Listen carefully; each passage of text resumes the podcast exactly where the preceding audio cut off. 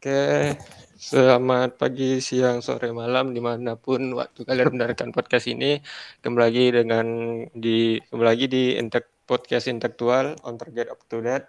Di sini kita sudah masuki di episode keempat, mana kita akan membahas uh, sebuah project Google Bangkit dari salah satu peserta Google Bangkit uh, sebelumnya. Di sini sebelumnya ada Mas Christian Doksa Himasa. Eh, sebelum perkenalkan pada narasumber, eh, lebih baik saya memperkenalkan diri sendiri terlebih dahulu. Perkenalkan nama saya Firman Afrialdi dari Teknik Informatika Angkatan 2020. Eh, Mas Christian boleh perkenalkan diri? Baik, eh, perkenalkan saya Christian Doksa Masya dari Sistem Informasi 2018. Mungkin hmm. itu ya. Sebenarnya gimana kabarnya Mas? Yang ikut bangkit. Baik, oh. Firman, kamu gimana kabarnya? Uh, baik juga Mas. Ini panggilannya lebih bagusnya gimana Mas? Mas Christian aja ya? Boleh, sama aja Mas Christian, maksud saya sama aja. Oke Mas. Uh, sebelumnya Mas, ini sebelum kita bahas-bahas project Google Bangkit ini Mas, uh, hmm. saya mau nanya dulu nih, uh, kenapa Mas dulu ada pengen niat masuk Google Bangkit kemarin tuh? Dapat berita Google Bangkitnya itu dari mana gitu? Jadi dulu jujur aja baru denger Bangkit juga Desember 2020 ya dulu. Terus uh, deadline pendaftaran itu kalau nggak salah 15 Januari ya. Jadi banyak berkas yang harus diurusin kayak dosen pembimbing, terus surat persetujuannya kayak gitulah. Pertama kali denger ya dari soundingnya di coding dari email sih ada pro program Google Bangkit gitu sih.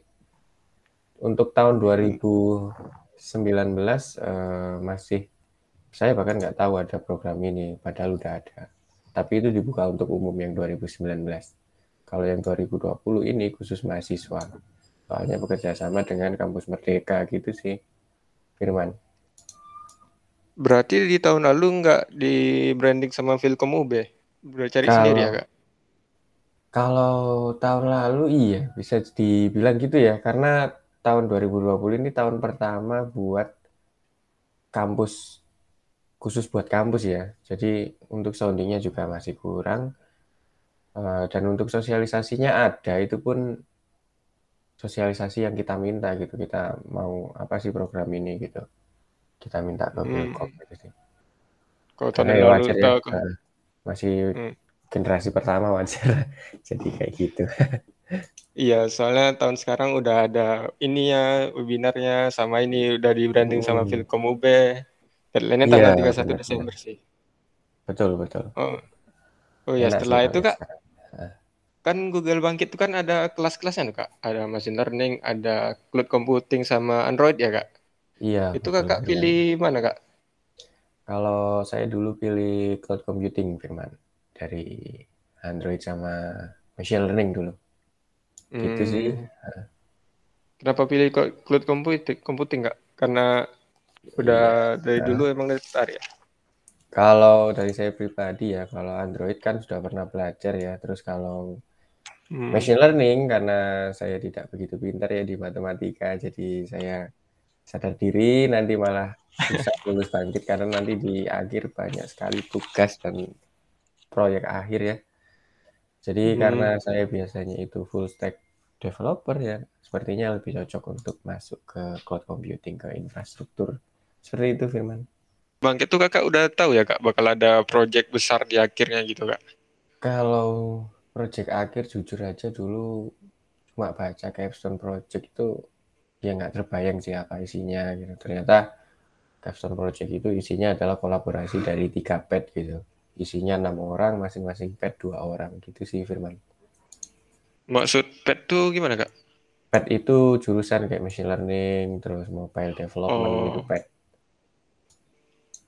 Oh, kirain pet tuh di di computingnya bakal ada ini lagi cabang-cabangnya gitu kak tadi kirain. Oh iya. Jadi pet itu gabungan dari tiga jurusan yang ditawarkan di Bangkit itu. Di mix Berarti satu. Kolaborasi lah ya kak. Betul, jadi ada yeah. AI-nya, ada mobile-nya, ada cloud-nya, nanti dinilai yang terbaik hmm. yang gimana gitu sih. Berarti karena dia tim, berarti itu kakak dapat kelompoknya cari sendiri atau gabung dari fakultas kampus-kampus lain kak?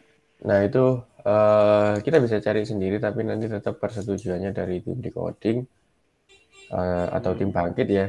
Jadi nanti ada tetap butuh persetujuan mereka juga ada kemungkinan kalau uh, kita itu nanti akan di mix gitu sih. Jadi ada salah satu teman saya itu semuanya udah sesuai dengan kriteria minimal ada dua perempuan kalau nggak salah ya persyaratan minimum dalam tim atau satu perempuan sih.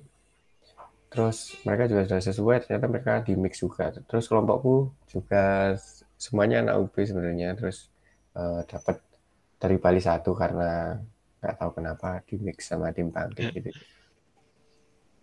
Oh. Itu tuh kak kakak bikin project gimana kak? Boleh cerita nggak kak project yang kalian okay. bikin di Google Bangkit dah? Uh, jadi kelompokku dulu bikin project untuk bantu UMKM. Gampangnya kayak program kasir itulah, point of sales gitu. Jadi kayak Moka atau kasir.id gitu yang udah familiar tapi target marketnya itu untuk UMKM yang kecil kayak toko kelontong gitu kan mereka mahal kan kalau harus langganan Moka karena kan ada biaya bulanan kalau nggak salah kita hmm. dua ratus ribu mungkin untuk starter packnya mungkin kayak gitu sih jadi kita kasih gratis sih untuk mereka gitu hmm, cara kerja kayak Moka ya itu Betul. ada pakai teknologi terbaru gitu nggak kak kayak oh, iya. apa, uh, gimana ya Kebetulan ya kita sesuaikan dengan apa yang diajarin di Bangkit ya. Untuk Androidnya juga pakai pattern kayak uh, MV, MVVM kayak gitu. Terus untuk machine learningnya kita juga pakai TensorFlow. Terus untuk modelnya kita pakai LSTM untuk prediksi stok atau dan lain sebagainya. Untuk cloud computingnya kita pakai secukupnya sih servernya. Belum multiple server karena juga beban kerjanya masih dikit gitu sih. Firman. Hmm. Uh, bisa didetailkan lagi kak, kak saya, saya kayak kurang masih awam gitu kak dengan hmm. yang kakak jelasin tadi tuh MVM apa TensorFlow Jadi apa tadi? di Android development itu ada namanya design pattern uh, pola desain. Jadi itu nanti kita itu patternnya pakai yang namanya MVVM model view view model gitu. Terus dia itu juga pakai library-library yang udah diajarin di Android kayak yang buat connect ke REST API itu ada Retrofit, ada banyak sih yang digunakan. Kayak gitu, nama library-library-nya. Kalau untuk machine learning-nya mungkin menggunakan algoritma yang udah diajarin gitu sih. Ada banyak gitu. Salah satunya ya SDM yang kita pakai buat penyelesaian masalah time series gitu. Untuk cloud computingnya ya standar sih computer engine virtual machine biasa. Uh, servernya Ubuntu, kemudian web servernya itu Nginx, kemudian kita juga pasangi Cloudflare, sih itu untuk nyegah DDoS dan lain sebagainya. Gitu sih, Firman. Ini uh, ada ditanggung biaya nggak sih Kak dari Google Bangkit ya? Kalau untuk Google Bangkit nggak ada ya, karena jum harga course yang mereka berikan itu mahal ya kalau kita beli sendiri. Jadi itu pengganti uang saku kita ya. Karena course yang diberikan itu udah mahal banget sih. Kayak langganan Coursera-nya juga, decoding-nya juga, Quick Lab-nya juga, tokennya itu kalau nggak salah per token itu berapa dolar gitu. Nanti bisa dapat sekitar 1000 token kalau nggak salah. Gitu sih, Firman. Berarti kakak, kelompok kakak ada keluar duit gitu kak untuk buat project ini ya? Uh, untuk project akhir enggak ya, karena untuk oh. Untuk token cloud computing kan bayar kan sewa itu. Nah itu kita dikasih token voucher dari Google. Hmm. Nanti kita redeem, ya udah kita tinggal pakai. Sesuaikan dengan token yang dirupiahkan tadi berapa totalnya. Oh ya, kan proyeknya udah siap nih Kak. Mungkin bisa kami gunakan itu Kak. Boleh speak, boleh kasih tahu namanya gitu. Mungkin bisa oh, iya. kami coba coba uh, nih. Untuk proyeknya masih development ya, Firman. Jadi nanti rencananya udah oh. jadi itu bulan besok Desember akhir gitu sih closing akhir tahun. Masih development karena personilnya juga lagi skripsi ya. Jadi iya semester tujuh ya. Lambat gitu. Iya, betul.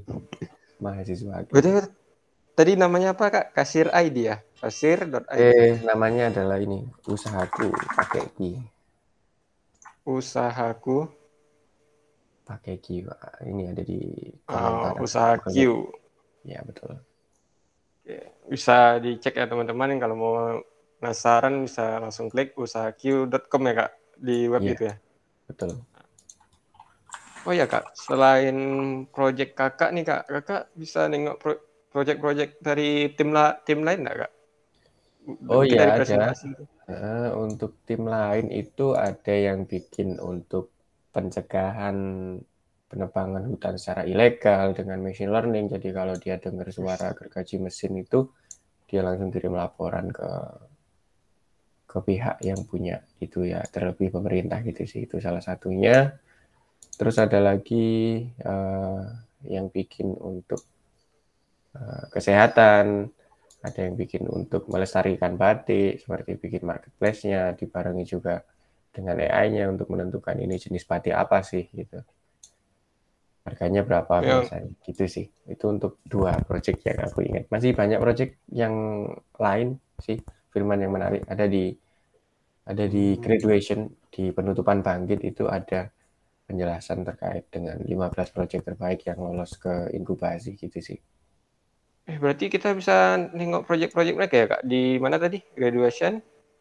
Di YouTube-nya Bangkit nanti ada oh, di YouTube. graduation atau judulnya itu best project gitu lah. Jadi nanti ada pengumuman best project-nya di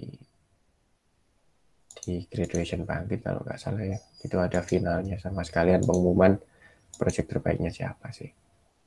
Hmm, berarti menurut kakak yang paling bagus tuh dari kelompok lain tuh ada di situ ya kak? Paling. Iya. Yeah. Oh ya kak, dulu kan eh selain bikin ini nih kak uh, usaha q.com nih kak. Dulu kakak okay. dulu kelompok kakak ada ide bikin yang lain nggak kak? Kan uh, brainstorm uh, gitu, kak. iya untuk brainstorming pertama kita jadi nanti kalian diberikan kayak sekitar 10 atau sampai 12 sampai 15 topik ya. Topiknya ada edukasi ada kesehatan ada ekonomi terus uh, ada aspek legal pemerintahan, hukum. Nah, kalian disuruh membuat produk dari beberapa isu yang diusulkan oleh pemerintah gitu ya. Kalau aku dulu ya yang kandidat kedua ya adalah edukasi gitu. Jadi gimana caranya kita bikin edukasi di Indonesia ini lebih merata lagi melalui teknologi gitu sih. Jadi konsepnya ya mirip-mirip ruang guru gitulah tapi kita punya unique value yang lain gitu misalkan dari segi harganya atau dari pengajarnya itu bagaimana kolaborasi dengan sekolah gitu sih dulu waktu brainstorming. Gitu hmm. Firman. Mungkin itu aja sih yang mungkin bisa saya tanyain kak. Uh, kakak ada closing statement nggak kak untuk yang pengen uh, apa sih? Untuk yang pengen join Google Bangkit atau ada hmm. wejangan gitu untuk mereka-mereka yang mau masuk Google Bangkit buat project akhir besok. Atau malah kakak ada ide lebih gitu. Kasih mereka hmm. ide gini kak. Siap. Uh, mungkin uh, setiap tahun topiknya berbeda ya. Jadi solusi yang ditawarkan juga berbeda tantangannya juga berbeda. Uh, saran saya ketika membuat suatu solusi skupnya tidak usah terlalu besar lihat di sekeliling kita apa yang masalah yang terjadi, berikan solusi yang simple tapi berguna daripada kita menargetkan scope yang global tapi uh, sebenarnya untuk implementasinya sulit dan ujung-ujungnya juga tidak bisa dirasakan. Jadi start from small gitu sih kalau menurutku. Gitu Firman mungkin closing statement untuk teman-teman yang mungkin bisa ikut bangkit dan mengerjakan proyek akhir gitu sih. Nggak nggak ada ide lebih ya kak? Untuk ide lebihnya ya mungkin ada di edukasi atau di IoT karena ya cuma bisa kasih saran itu sih ya karena untuk ide yang bagus juga perlu dimasak lagi ya dengan tim. Yang penting ketika hmm. ya itu tadi ketika e, melihat topiknya ya kita harus mencari akar permasalahannya juga harus turun ke masyarakat ditanyakan benar-benar e, mungkin ke ibu-ibu jika sektornya ibu-ibu jika mahasiswa juga ke mahasiswa. Kalau sektornya pedagang juga kita turun ke pedagang kita lakukan wawancara apakah benar masalah ini itu dirasakan oleh mereka. Gitu sih cara yang paling efektif untuk menentukan ide yang kita bikin itu benar-benar dirasakan oleh masyarakat atau enggak. Itu sih Firman. Oke dan terima kasih ya Mas Christian atas informasi yang telah diberikan ya Mas baik um, siap sama-sama Firman iya semoga kembali iya amin uh, sekian dari podcast intelektual yang eh, episode hari ini. Mungkin apabila ada kesalahan bisa dimaafkan. Apabila ada salah kata. See you next time in the next podcast intelektual HMF. Sampai jumpa. Uh, sampai ya. Oke, siap.